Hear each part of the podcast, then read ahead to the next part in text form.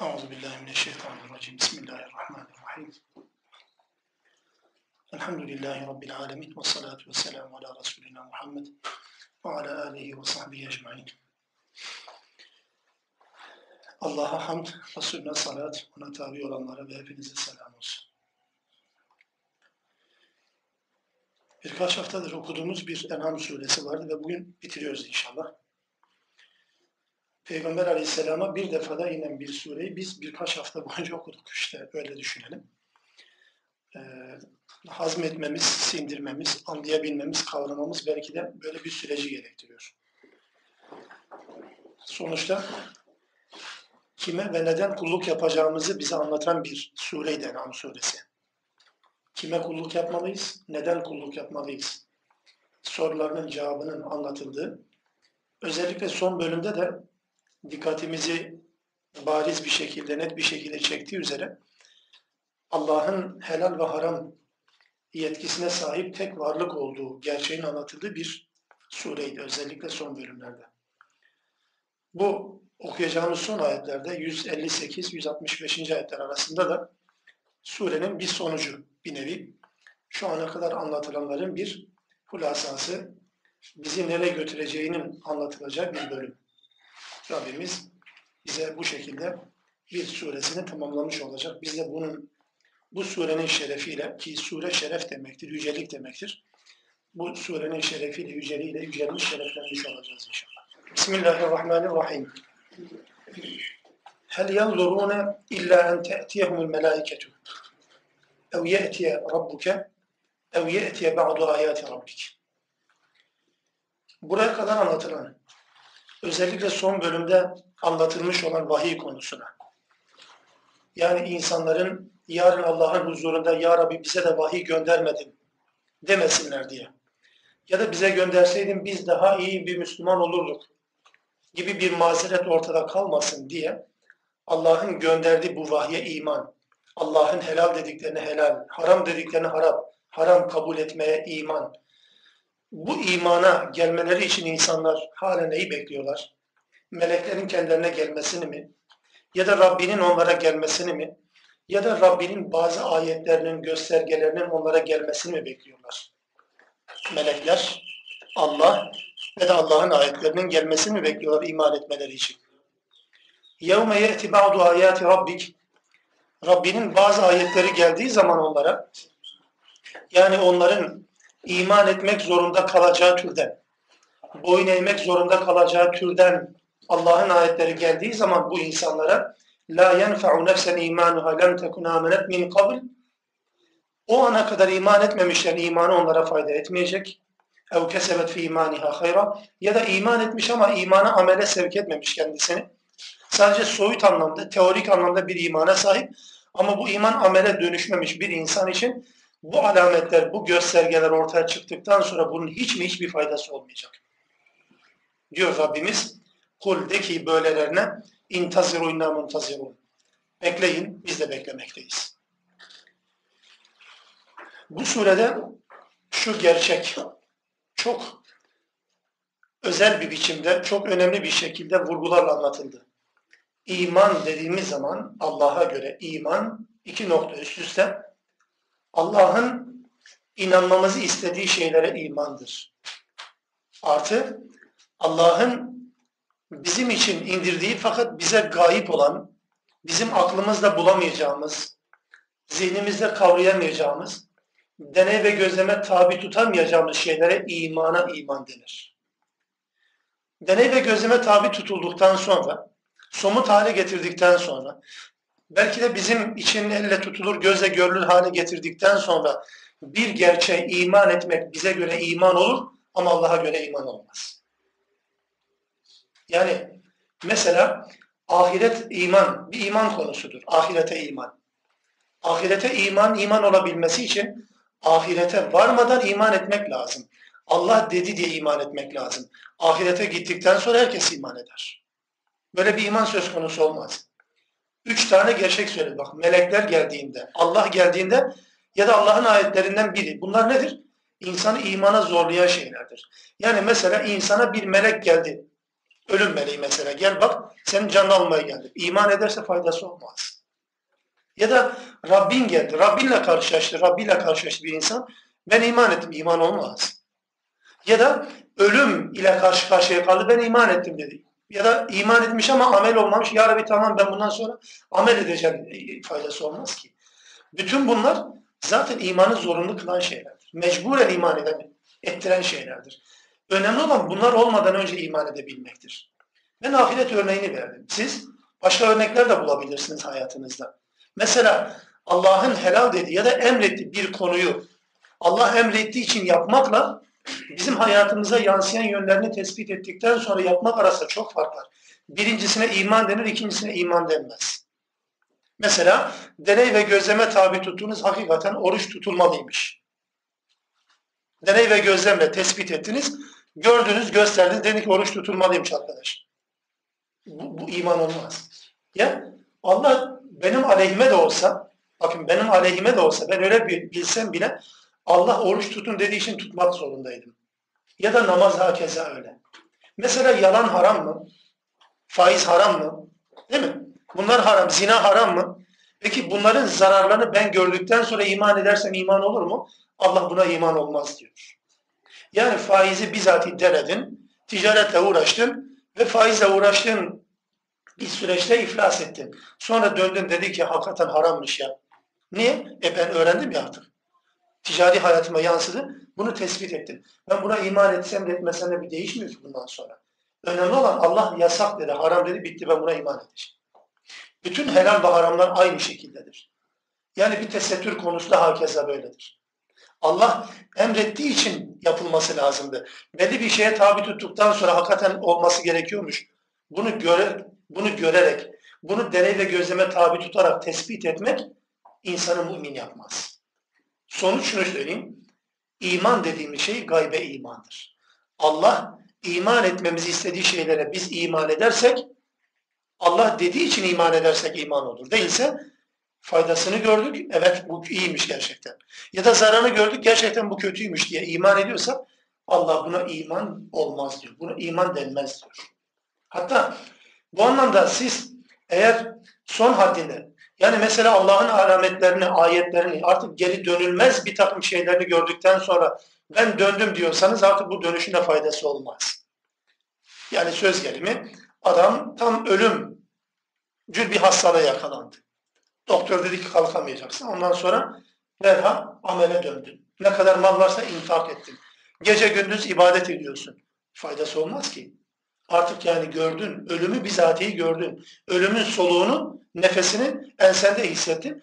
Başlıyorsun amel etme. Böyle bir amelin faydası olmaz. Önemli olan onu görmeden. Hani Allah ölüm var diyordu. Zaten vardı hani. Allah dediği için kabul etmedi bizimki. Ne yaptı ya? Kendisi bizzat gördüğü için kabul etti ve iman etti. Böyle bir iman arkadaşlar Allah iman demiyor. Dolayısıyla Allah'ın bütün helal ve haramları konusunda aynı ölçü geçerli. Allah dediği için evet böyle, Allah dediği için hayır böyle olmamalı. Tamam. Budur iman değilse adı iman olmaz. Ve burada bir şey daha ortaya çıkıyor. Allah iki şıkta değerlendirdi. Böyle bir şey geldiği zaman adam iman etmemişse o anda iman ederse imanı fayda etmiyor. Ya da dedi, iman etmiş ama imanı onu hayra yöneltmemiş. Yani iman onu amele sevk etmemiş. Bu adam da imanı fayda etmiyor. Demek ki iman ne yapacak? Amel gerektirecek. İman amel gerektirecek. Yani mesela genel olarak arkadaşlar hepiniz öğrencisiniz.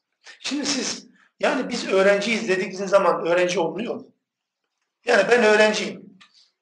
Demek öğrenci olunmaz. Hatta bütün dünya alem size öğrenci dese de öğrenci olunmaz. Ta ki öğrenci kaydınız olur, kazanırsınız, devam edersiniz. Adı öğrenci olur. Hatta bir şartları yerine getirmediğiniz zaman ilişkiniz kesilir, öğrencilik hakkınız da biter. E, iman da teşbih hata olmasa buna benzemiyor mu? İman ettim diyorsun, müminim diyorsunuz. Hani şartları? E şartlarını tutmuyorsun. Yani amel yok. Dolayısıyla aslında tarih boyunca iman amel ayrımını yapan geçmiş ulemamız Allah rahmet eylesin. Kimileri böyle bir ayrım yapıyor. Doğrusu bu ayrım Kur'an'a uygun bir ayrım değil. İman ameli gerektirir arkadaşlar. Yani bir iman düşüneceksiniz, amel olmayacak. Böyle bir iman olmaz ki. Ha iman olur, bir takım hatalar işlenebilir ayrı bir şey. Bir takım aksaklar olur ayrı bir şey. Allah da bunu kabul eder. Ama iman yanında amel olmadan iman olmaz. İman tam ve mükemmel olmaz. Allah burada özellikle bunun da altını çizmiş oldu. Özellikle bu sure bağlamında, bu son ayetler bağlamında tekrar edeyim. Allah'ın helal dediklerini helal kabul etmeniz, haram dediklerini haram, haram kabul etmeniz ancak Allah dedi diye kabul etmeniz şartıyla kabul sayılabilir, iman sayılabilir. Siz kendiniz deney ve gözleme tabi tutarak belirlediyseniz Allah buna iman demiyor. Hatta böyle bir iman modeline yani kendiniz bakarak, gözetleyerek, ikna olarak, boyun eğmek zorunda kalarak, mecburen kabullenerek böyle bir iman konusu insanı nereye götüreceğini 159. ayet şöyle ifade eder. İnnellezîne ferraku dînehum ve kânû şiyan leste minhum fî şeyin. Dinlerini paramparça edenler, dinlerini ayrıştıranlar, birbirinden ayrı ayrı değerlendirenler veya sonuçta bu insanlar grup haline geldiler. İşte bunlarla senin bir alakan yoktur. Ya da senin bunlara yapacağın fazla bir şey yok. İki şey. Bir, dinle alakalı gruplanma. İki, bu dinle ilgili gruplaşmalara vasıta olan, alet olan insanların gruplaşmaları.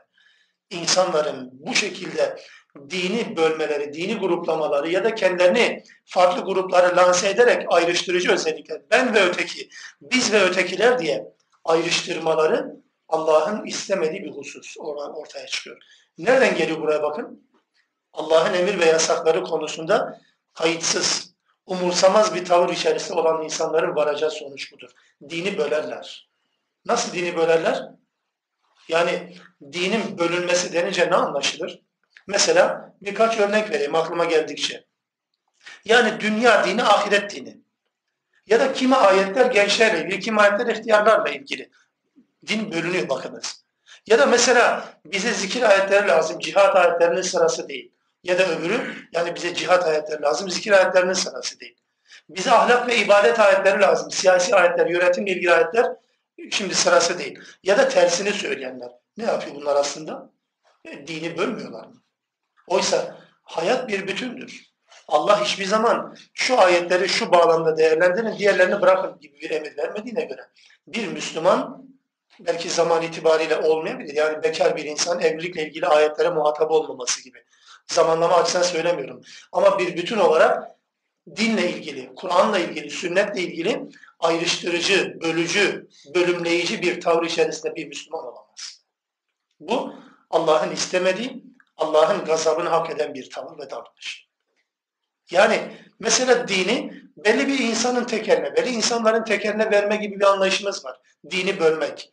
Mesela din sadece ilahiyatçılar anlatır. Sadece imam hatipler anlatır. Yani biz yani biz kimyacıyız, biz biyolojiciyiz, biz fizikçiyiz, biz mühendisiz, biz doktoruz. Yani size gelmez mi? Ne zaman sıra gelecek size? Efendim bizim işimiz değil ki. Yani bizim, bizim işimiz muayene etmek, bizim işimiz laboratuvara girmiş çıkmak, bizim işimiz ticaret yapmak, bizim işimiz şunu bunu yapmak. Yani din kimin elinde peki? Kim bunu yapacak? Sadece ilahiyatçılar mı? Sadece ilahiyat tahsili görenler mi? Allah'ın böyle bir yetki verdiğini görebiliyor musun? Hiçbir ayette var mı öyle bir şey? Onun için eğer sözümüz meclisten içeri ise ki bu düşünceyle okuyoruz Kur'an-ı Kerim'i o zaman her birimiz bu anlamda kendi çapımızda sorumluluğumuz var. Her birimiz her birimiz gibi sorumlu olmayabiliriz ama yani bilgimiz, seviyemiz, düzeyimiz farklı olabilir. Ama her birimiz Allah'a karşı kulluktan sorumluyuz. Allah'a karşı birilerine din anlatmak zorundayız. Birileri bize göre az bilgilidir değil mi? Kabul etmek zorundasınız. Bakın birileri size göre çok bilgili olabilir tamam.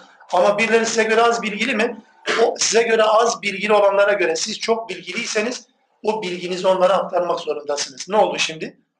Herkes bu işin sorumlusu. Dolayısıyla böyle dinle alakalı olarak şu grup bunu yapar, bu grup bunu yapar. Yok böyle bir şey. Var mı sahabe neslinde? Tabi'in neslinde, erken dönem Müslüman nesillerde var mı böyle bir bölüm? Yani ben ticaretle uğraşırım, benim başka işim var. Şu anda din benim ikinci sırada, üçüncü sırada işim. Bu işi hocalar yapar diyen var mı ki? İmam-ı Azam'a bakıyorsun tüccardır, diğerlerine bakıyorsun bilmem nedir. Her birisi farklı bir iş yapıyor ama müçtehit olmuş, ama alim olmuş bu insanlar. Fakat dini böler hale gelince bizler din sadece birilerinin tekeline verilmiş oldu. Allah ne diyor? İnnellezine farraku dinehum. Dinlerini fırka fırka yapanlar, grup grup yapanlar. Hocalar bunu yapar, mühendisler şunu yapar, ticaret bunu yapar, müezzinler şunu yapar. Yok canım. Bu yetkiyi biz kendi kendimize veriyoruz ve bu bir yanlış. Böyle olunca bu sefer insanlar da grup haline gelir. Şia dediği şey grup haline gelir insanlar. Bunun bir ileri aşaması budur. Herkes kendini başka bir gruba takdim eder, lanse eder. O şekilde kendini takdim eder. Ben şucuyum, ben bucuyum. Yani ufak tefek mezhep, grup nitelemeleri anlamda söylemiyorum bunu. Daha genel, daha kapsamlı da olabilir. Fark etmez. Yani Müslümanlar birbirlerine tahammül etmek zorundalar. Bu dinin gereğidir, bu Kur'an'ın gereğidir. Allah'tan, sevindiğimizden değil ama Allah'tan diyorum, kimi süreçler yaşadık, bu süreçler Müslümanları kaynaştırdı biraz. Birbirlerine yan gözle bakanlar, birine şaşı gözle bakan Müslümanlar, birilerinin, kimi zalimlerin, kimi despotların sayesinde diyelim artık tırnak içinde, biraz kendilerine geldiler. Ben ve öteki ayrımına son verdiler. Yani hep beraber demeye başladılar. Biz bize izlemeye başladılar. Değilse, yani Müslümanlar neredeyse Fetih suresinin son ayetine bakın. Eşidda alel kufar ruhama beynehum der. Birbirleri arasında merhametli ama zalimlere, kafirlere karşı çetin ve onurlu. Müslümanlar neredeyse bunu ters çevirdiler. Kendi aralarında alabildiğine didişen, birbirlerine karşı çetin, onurlu, sert, kaba, haşin ama kafirlere karşı alabildiğine merhametli, alabildiğine toleranslı, hoşgörülü. Kim yapar ki bunu? Bu Müslümanların yapacağı bir davranış, ortaya koyacağı bir davranış değil. Onun için Allah'ın helal ve haram sınırlarını belirlemedi mi, bu yetki Allah'a vermedi mi insanlar dinlerini bölecekler. Kendi kafalarına göre helal ve haramlar ortaya çıkacaklar. Yapılmalı, yapılmamalı ölçüsünü kendileri belirlemeye başladı mı artık dinde bölümleme ortaya çıkacak, tefrika ortaya çıkacak. Dolayısıyla din şunlar yapar, biz şunu yaparız anlamında herkes farklı görev ortaya çıkarır ki bu Allah'ın razı olmadığı bir husus. İnneme emruhum ilallah. İşte böylelerin işi Allah'a aittir. Yani dini bu hale getiren insanlar Allah'a hesap verecekler. Sen onlara yapacağın hiçbir şey yok ey peygamber ya da ey Müslüman. Sümme yunebbihum bima kânu yef'alûn. Yaptıklarını Allah onlara kıyamet günü tek tek haber verecek. Madem öyle, madem her şey kıyamette belirleniyor, madem bütün çabalar kıyamete yönelik, iyilik ya da kötülüğün karşılığı sadece ve sadece gerçek anlamda kıyamette verileceğine göre o zaman Allah önümüze şöyle bir teklifle geliyor. 160. ayet. Men ca'a bil haseneti felehu aşru amsaliha. Kim bir iyilik yaparsa ona on katına kadar karşılık var. Ve men ca'a bis seyyiyeti kim bir kötülük yaparsa fela yücza illa mitleha ve hum la yuzlamun. Kötülüğünde karşılık tam dengidir. Kimse bu noktada haksızlığa uğramayacaktır. Allah rahmetini konuşturuyor. İyilik yapana hasene iyilik çevirdim döneceğim. İyilik yapana Allah kat sayısı 10 olmak üzere, hatta 700 olmak üzere, hatta hesapsız olmak üzere, sınırını Allah'ın belirleyeceği şekilde olmak üzere karşılık verilir hasene yapanlara. Ama kötülük, kötülük neyse kat sayısı birdir. iki değildir kötülüğün kat sayısı. Dolayısıyla Allah rahmetiyle bize muamele edecek. Yani biz bir yapacağız, Allah en azından on sayacak. Çabamızın, niyetimizin sağlamına göre bazen 700 ve üzerinde sayılabiliyor bu. Yani ben bir vakit namaz kılacağım. Allah 10 vakit namaz kılmışım gibi değerlendirecek. 5 vakit kılacağım. 50 vakit kılmışım gibi değerlendirecek. Ya da daha fazla. Bir güzellik yapacağım. 700 tane güzellik yapmışım gibi değerlendirecek. Yani nerede var böyle bir bolluk? Allah bunu sadece haseneye, güzelliklere takdim etmiş ya da güzelliklere tahsis etmiş. Ama kötülük ne iş yapsanız çarpanı birdir, iki değil. Hatta iyilik ve kötülüğü yapmaya niyet etmenin de karşılığı var. Yani mesela iyilik yapmaya niyet ettiniz, yapamadınız. Yapmaya niyet ettiniz, dikkat edin cümlelerime. Niyet ettiniz iyilik yapma, yapamadınız. Yapmadınız değil bakınız. Yap, yapamadınız. Bunun hasene olarak değerlendirileceğini söylüyor Peygamber aleyhisselam. Yani bu sanki iyilik yapmış gibi değerlendirilecek. Bakın niyetleniyorsunuz, yapamıyorsunuz. Kötülük Kötülük niyetlendiniz, yapamadınız değil, yapmadınız bu sefer. Kötülüğe niyet ettiniz ama yapmadınız. Allah için vazgeçtiniz. Allah bunu da güzellik diye yazıyor bakınız. Kötülüğe niyet ediliyor. Yapamadığından değil, güç yetiremediğinden değil, fırsat bulamadığından değil de Sonra anında birisi uyardı ya da aklına geldi ya Rabbi ben ne yanlış işliyorum dedi. Vazgeçti kötülük yapmaktan. Allah buna da hasene yazar. Değilse kötülüğe niyet ettiniz, kurguladınız kafanızda. Zihinsel anlamda bir hazırlık dönemi yaşadınız. Sonra tam yapmak üzereyken vazgeçtiniz. Nasıl yani? Hani hocanın eşekten düşmesi hikayesinde olduğu gibi. Zaten düşmeseydim inecektim hesabı. Zaten vazgeçecektim gibi. Böyle değil. Allah için vazgeçiyorsanız kötülükten niyetlenseniz bile Allah bunu hasene yazıyor. Ama değilse gittiniz, kötülük işleme niyetlendiniz, tam bir haram kurumuna girdiniz, diyelim ki faiz almaya gittiniz, bankanın kapısını tam girecektiniz, banka kredi vermekten vazgeçti ve döndünüz dediniz zaten ben de almayacaktım, vazgeçtim. Ama bakın niyetlendiniz, niyetinizi yerine getirememe durumu neydi burada? Bankanın kredi iptal etmesiydi mesela. Bu nedir sizin? Kötülük yapma niyetinizin karşılığı olacaktır mutlaka. Allah bunun hesabını soracak. Ama yolda birisi karşılaştı. Vazgeç dedi. Bu harama girme dedi. Sen dedin tamam ben Allah'tan korkuyorum. Ya Rabbi affını diliyorum dediniz döndünüz. Kötülüğe niyet ettiğiniz ve kötülük Allah iyiliğe döndürüyor. Değilse Allah niyetlerimizi de sorgulayacaktır. Bunu da unutmayalım bakın arkadaşlar. Niyetlerimizi, düşüncelerimizi sorgulayacak. Birbirimize karşı niyetlerimiz, başkalarına karşı niyetlerimiz, Allah'a karşı niyetlerimiz, dine karşı niyetlerimiz, iyilik ve kötülük anlamında hepsi sayda geçirmektedir. Allah ve diğer tanrılar arasındaki tek fark da belki de budur. Ya da tek fark demeyelim, en önemli fark da bu. Diğer tanrılar zahire göre amel eder. Allah batına göre niyeti de okur. Başkaları dışa yansıyanları değerlendirirse ama Allah niyetinizi de değerlendirecektir. Bütün amellerinin çarpanı niyettir. Onun için Kur'an'da iyilik diye çevirdiğimiz kelimenin karşılığı olarak kullanılan bir kavramdır. Hasene. Bunu biz namazlarda yaptığımız, namazlardan sonra yaptığımız bir duada çokça kullanırız. Rabbena atina fid dünya haseneten ve fil ahireti haseneten. Basit bir çeviriyle iyilik diye çeviririz. Doğrudur ama eksiktir. Bakın doğru ama eksik. Niye eksik? Yani iyiliğin tarifine göre eksik diyorum. Çünkü Allah'ın hasene dedikleriyle bizim hasene dediklerimiz farklı. Anlatabiliyor muyum? Bizim hasene dediklerimiz ayrı, Allah'ın hasene dedikleri ayrıdır. Hasene nedir? Her iyilik demek değil ki. Allah'ın rızasına uygun olan her davranış hasenedir. Peki Allah'ın rızasına uygun olmayan iyilik de var mı? Var tabii. Adam mesela dağlarla, yığınlarla harcama yapıyor. Kime? Fakirlere. Ne için yapıyor? E, reklam için yapıyor. Kendi kurumunun, kendi derneğinin, kendi bilmem nesinin iyiliğini, güzel tarafını yansıtmak için adam şov yapıyor. Yani bütün dünyayı infak etseniz ne yazar ki? Hepsinin çarpanı sıfırdır. Bakınız yani iyilik olmadı. Oysa hasenedir değil mi dışarıdan bakıldığı zaman? Ya da mesela diyelim ki bir kamyon yardım adam dağıtıyor. Niyeti halis değil. Niyeti birilerine iş yaptırmak ya da niyeti gösteriş yapmak ya da niyeti yardım ettiği insanları kullanmak. Yardım ettiği insanlara göre bu nedir? İyiliktir aslında değil mi? Ama Allah'a göre bu hasene değil ki. Hasenenin şöyle tarifini yapıyoruz genelde. O tarife uygun olan her şey güzelliktir. Hasene eşittir. Dünyada yaptığınızda sizi cennete götürecek, cennete götürmenize aracı olacak, vesile olacak her türlü söz ve amel hasenedir. Yaptığınızda, söylediğinizde cennetinize vesile olacak her şey eşittir hasene. Bu tarife uymuyorsa bu hasene olmaz.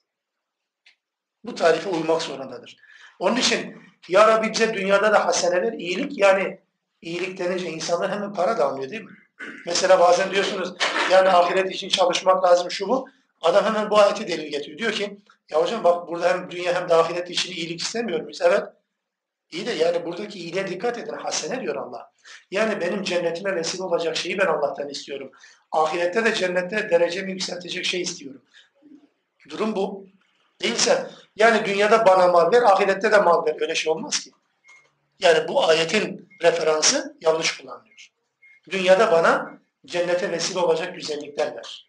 Ahirette de bana cennete rütbemi, derecemi artıracak imkanlar ver diye Allah'tan bir şey isteme anlamına geliyor. Dolayısıyla bu tariflerden hareketle kim bir hasene yaparsa Allah kat sayısı 10 ve 700 ve hatta daha fazla olmak üzere karşılık.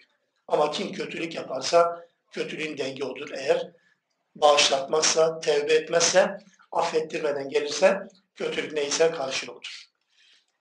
Ve bu son bölümde Allah kul, kul diye, deki diye bize kavratacak türden, bizim iman etmemizi sağlayacak türden, söylememizi sağlayacak, bağırmamızı, yani müsbet anlamda tabii, haykırmamızı, dile getirmemizi isteyecek türden şeyler emredecek. Bakınız, ne istiyor Allah bize şimdi? Kul, de ki, kim? Yani ben diyeceğim, siz diyeceksiniz. İnneni hedani Rabbi ila sıratı müstakim.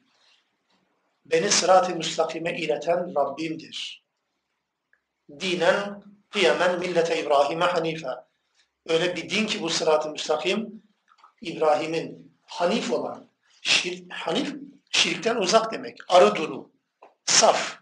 Saf tevhid inancına sahip İbrahim'in milleti, millet de din anlamına geliyor. İbrahim'in dini olan kıyam dinidir. Dik durma dinidir. Diklenme dini değil tabi.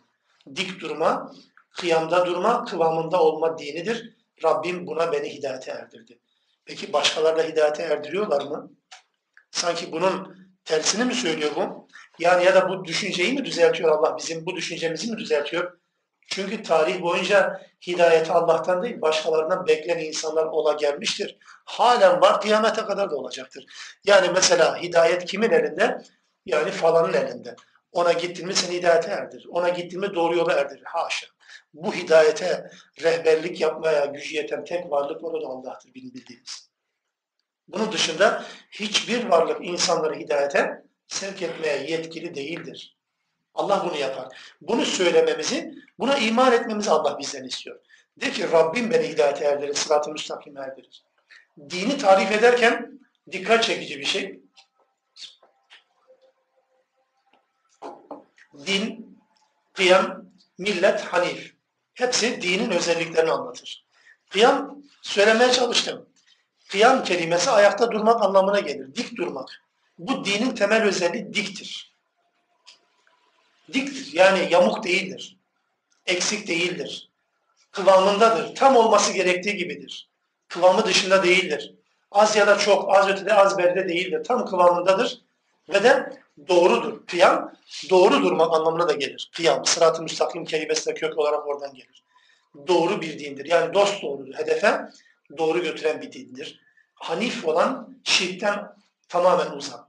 Şirkin ne olduğunu biz bu surede çok çok okuduk. Birçok ayet-i kerime bize bu konuyu anlattı.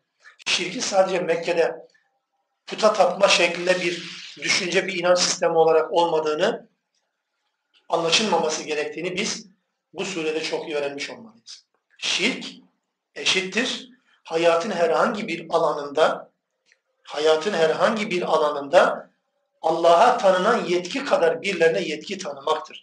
Kim olursa olsun, canlı cansız, soyut somut, hangi varlık olursa olsun Allah'a yetki tanınması gerekirken birilerine bu yetkiyi tanımanızın adını Allah şirk olarak değerlendirir. Bu düşünceye sahip olanlara da müşrik olarak isim verir Allah.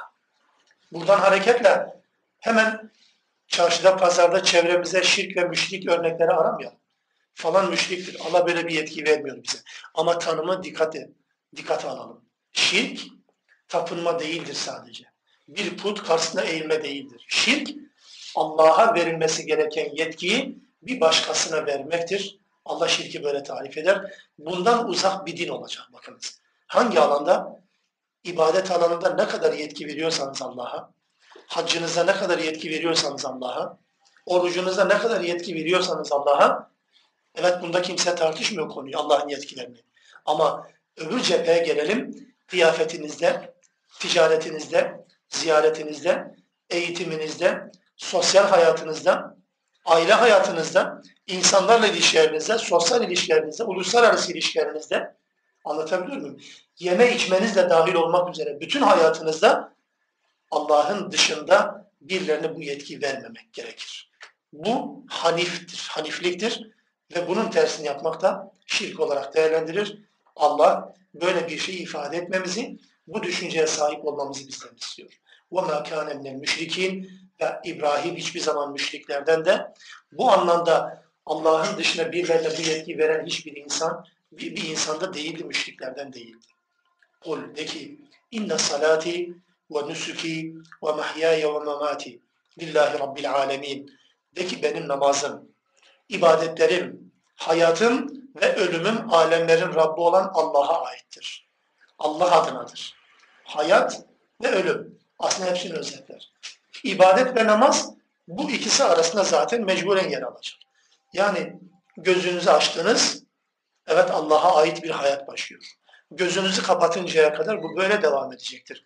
Bunun bu, bu sürecin içerisinde herhangi bir zaman dilimini, herhangi bir mekanı Allah'ın dışında birilerine tahsis etme imkanımız yok.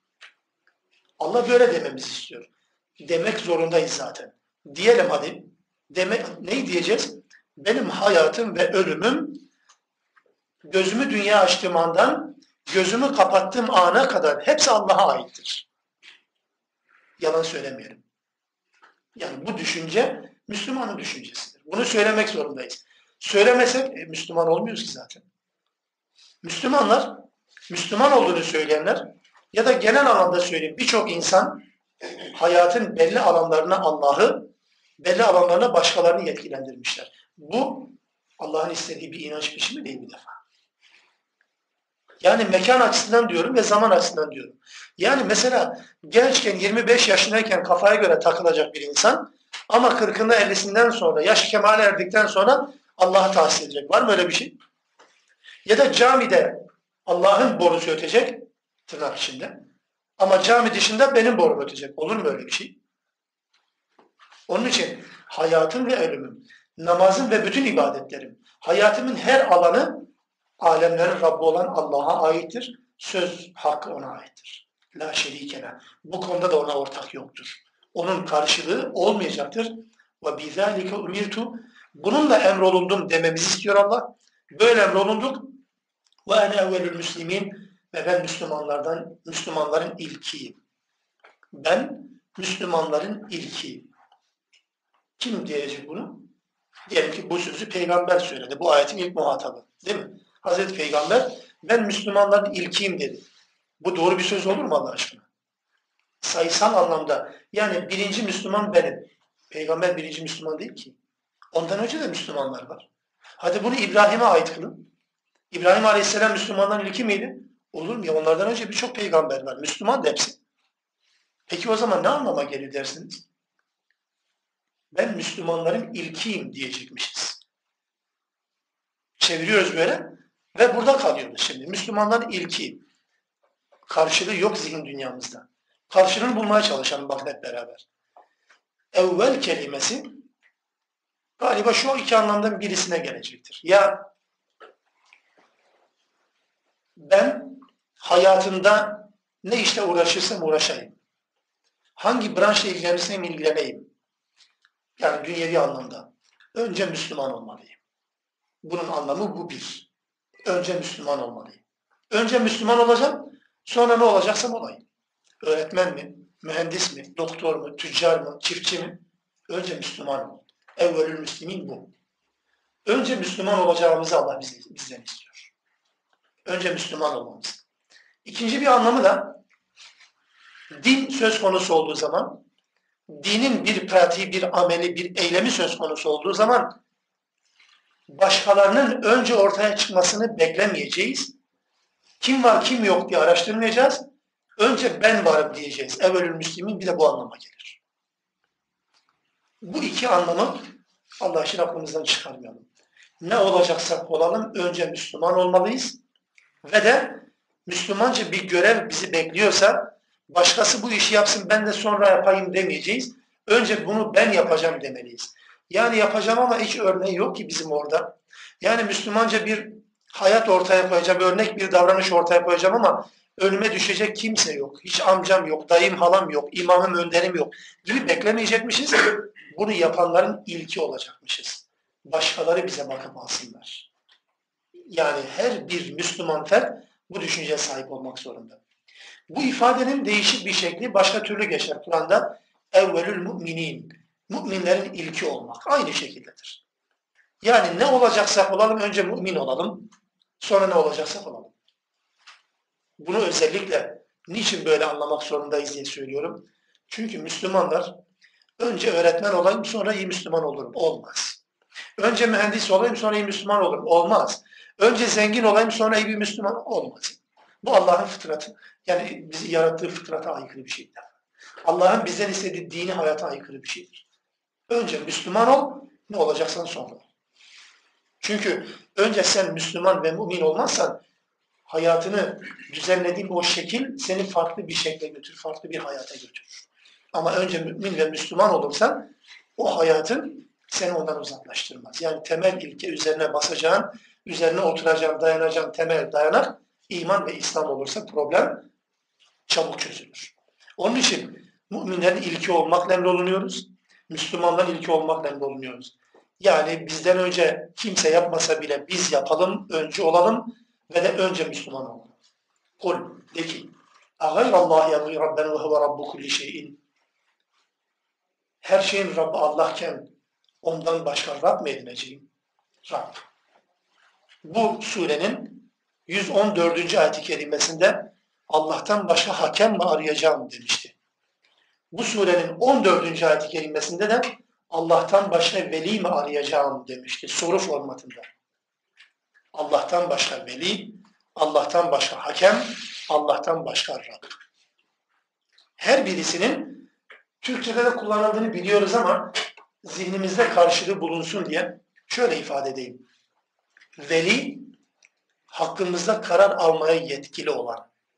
Hakem, hakkımızda aldığı karar bizi bağlayıcı olan. Rab, hayatımızla ilgili program düzenlemeye yetkili olan demektir. Bu üç özellik Allah'la bizim aramızda Allah'a verilen özellikler. Bizim hakkımızda karar almaya yetkili veli Allah'tır. Aldığı kararlar bizi bağlayıcı olan varlık hakem Allah'tır. Ve hayatımızla ilgili program çizmeye yetkili varlık yine Allah'tır, Rab'tır. Dolayısıyla ondan başka Rab mı arayacağım? Kur'an-ı Kerim'in zaman zaman ifade ediyorum. Kur'an-ı Kerim'e bakınız.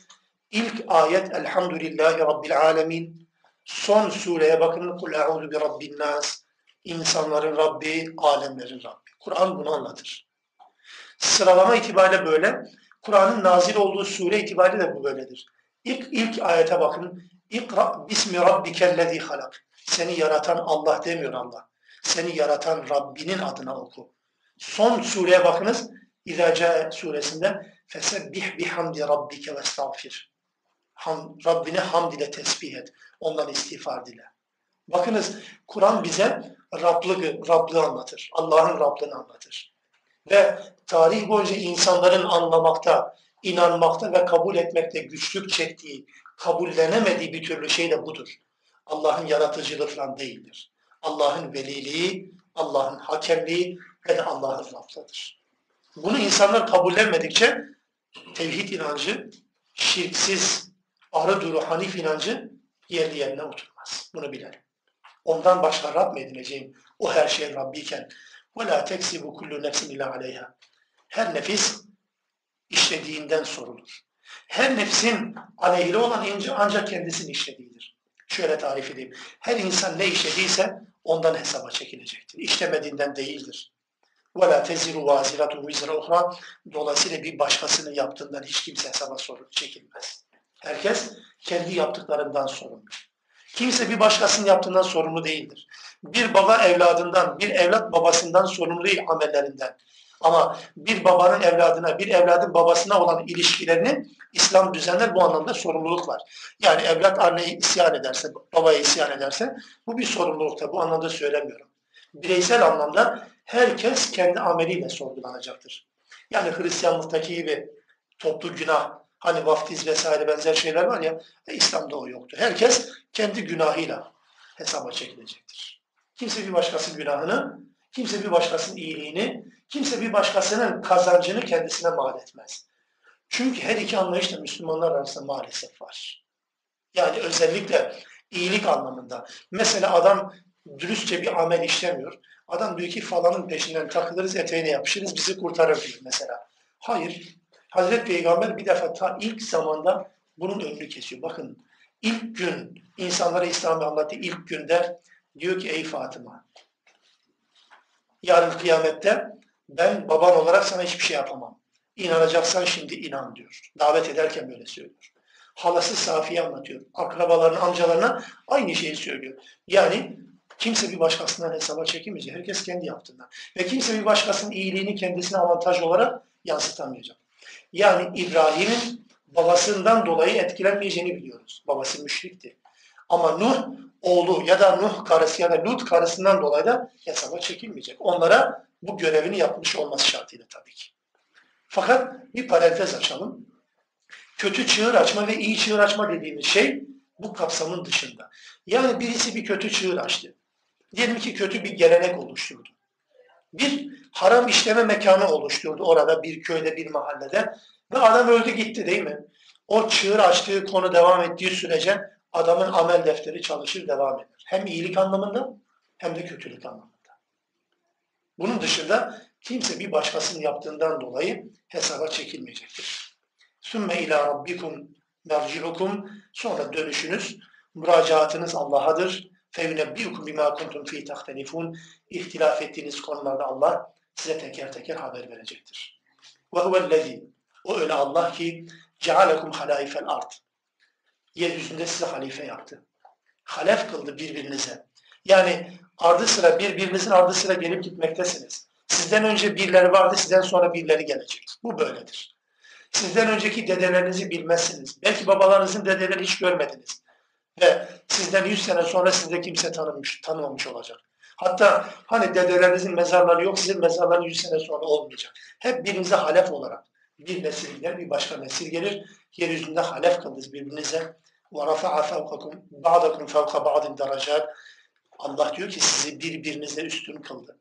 Derecelerle farklılaştırdı sizi. Yani zeka açısından mı? Hayır sadece o açıdan değil. Mal mülk açısından. Varlıklı, yokluklu. Sağlıklı, hastalıklı. Sıkıntılı, bolluklu. Anlatabiliyor muyum? Yani seviye seviye. Hepinizi bunu yaptı. Peki niçin yaptı böyle? لِيَبْلُوَكُمْ ف۪ي مَا آتَاكُمْ Size verdiği konularda. Verdiği nedir? Varlık da verir, yokluk da verir ya. Hastalık da verir, sağlık da verir ya. Verdiği bütün konularda sizi imtihan etmek için sizi derece derece, aşama aşama farklı farklı yaptı. Hepsi imtihanmış demek. Yani dolayısıyla Allah bizi vererek mi imtihan ederse daha iyi kazanırız? Yoksa bizden alarak mı imtihan ederse daha iyi kazanırız? Bunu bilemezsiniz. Bu bir imtihandır. İmtihan henüz devam ettiğine göre, henüz bitmediğine göre kazancın nerede olduğunu bilemezsiniz ki. İnsanlar farklı değerlendirebilir. Yani dünyanın cazibesine kapılarak varlıklı bir insanın varlıkla imtihan edilmesi güzel gelebilir. Ama onun kazandığı anlamına gelmiyor ki. Ya da yoklukla imtihan edilen birisinin imtihanı kaybettiğini düşünebilirsiniz. Tam tersi de olabilir. Bilemezsiniz ki imtihanı neyle kazanacaksınız? Yani bir adam çok hasta. O mu kazanıyor? Hiç hastane yüzü görmemiş. O mu kazanıyor? Hangisi bilemezsiniz ki. Allah tümünü imtihana tabi tutmaktadır. Dolayısıyla bu bir imtihan dünyası devam ediyor. İnne rabbeke seri'ul ikab ve innehu legafurur rahim. O Allah ki azabı süratli verendir ama gafur ve rahimdir. Her ikisi beraber bakın. Müthiş bir denge. Allah sadece rahmetini ön plana çıkarmıyor. Sadece azabıyla da korkutmuyor. Allah azabı süratli olandır ve Allah gafur ve rahim olandır. Onun için siz bu ikisini de hiçbir zaman göz ardı etmeyiniz. Yani hayatı yaşıyorsanız henüz ölüm gelmediğine göre bugün itibariyle henüz ölüm gelmediğine göre hayatınızı dört dörtlük yaşamış olabilirsiniz. Mükemmel bir Müslümanlık yaşayabilirsiniz. Ama değil mi ki hala hayat devam ediyor? Hala ömür var ya, saptırıcılar her an saptırabilir sizi ya. Allah'ın azabından her zaman korkmak zorundayız, korkmak zorundasınız. Ya değilse Ebu Bekir, Ömer Efendilerimiz ya da Peygamber Aleyhisselatü Vesselam ne diye son nefesine kadar da hep cehennem, hep azap söz konusu olduğu zaman, hep Allah'ın çetinliği, azabı söz konusu olduğu zaman neden hep ağladılar ki? Yani garanti olmasına rağmen öyle görünüyordu aslında dışarıdan. Buna rağmen hiçbir zaman emin değillerdi çünkü hayat devam ediyordu. Çünkü yarın vardı.